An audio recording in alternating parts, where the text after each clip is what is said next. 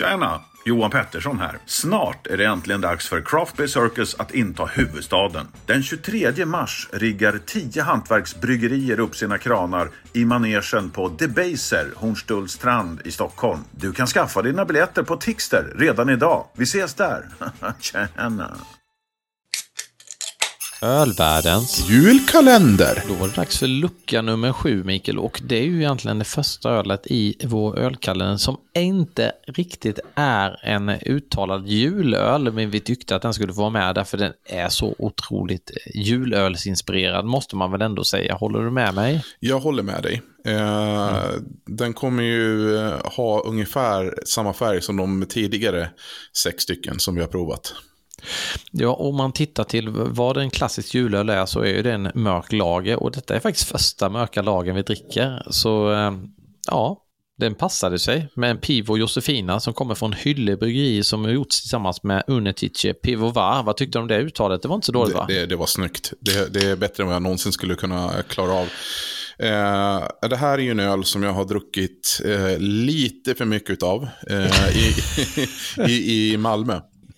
Den är, mm. Men den är ju så bra för att här nu, prat, nu, nu vågar jag i alla fall säga att det här är den med lägst procent hittills. Mm. Jag vågar också eh, säga på att det är 4,3 procent. Eh, eh, roasting smooth, eh, ja det, det, vet vi att den är, så, så det är ju ingen hemlighet. Men det, det är häftigt. Eh, Hyllie har gjort ett samarbete med det här klassiska tjeckiska bryggeriet eh, som, eh, ja, gör eh, väldigt god öl. Jag har provat mycket, mycket diacetyl i deras öl. Så det gillar ju jag eh, mm. verkligen. Så, eh, så, så, eh, men eh, ja, jag har hällt upp den. Den är fortsatt då djupt bärnstesfärgad skulle jag säga. Eh, re relativt jag håller på att säga att den skulle vara klar, men det är den inte. Det här är en liten disighet i den, eller hur? Mm, mm, lite grann faktiskt ja. så. Hazy Josefin kanske skulle heta istället. Ja, precis. Men mm. Men ja, det här ja. Men det är ju ja, det är fina rostade toner. Det är, jag misstänker att det är eh, SAS humle i den. Det är, ja. Alltså det, den, det, ett öl som har så mycket djup men ändå är så lätt. Alltså, mm. Det är liksom två parametrar som möts på ett märkligt sätt som inte borde vara möjligt. Men det här är så försvinnande gott alltså. Här, jag skulle och... kunna dricka hur många som helst. Ja, nej men och det här är ju verkligen en öl som är Eh, ja, men den är lättdrucken. Det, det är schysst att det är en lite lägre alkoholhalt. Man kan dricka mycket av det. Och, eh, men jag måste säga någonting. hur gott den än är på, på burk nu. Det är någon extra dimension att dricka den på Pivo i Malmö. Det är just det här mm. upphällningssättet. Något lägre kolsyra. Den är rätt tempererad och, och, i äkta glas i en atmosfär som är helt magisk. Det, det, går inte att slå. Så hur mycket jag tycker om att dricka det här nu på, på glas här direkt upphällt från burk så är det inte samma sak. Nej, jag förstår precis vad du menar Mikael. Men nu är det så att de följer vår kalender och det är väldigt svårt att sätta sig den 7 december kanske och åka ner till eh, Malmö. Nej, jag tycker man ska göra det. Det är värt det. det sätter, sätter på närmsta tåg och sen åk ner. Det, det, det är värt det.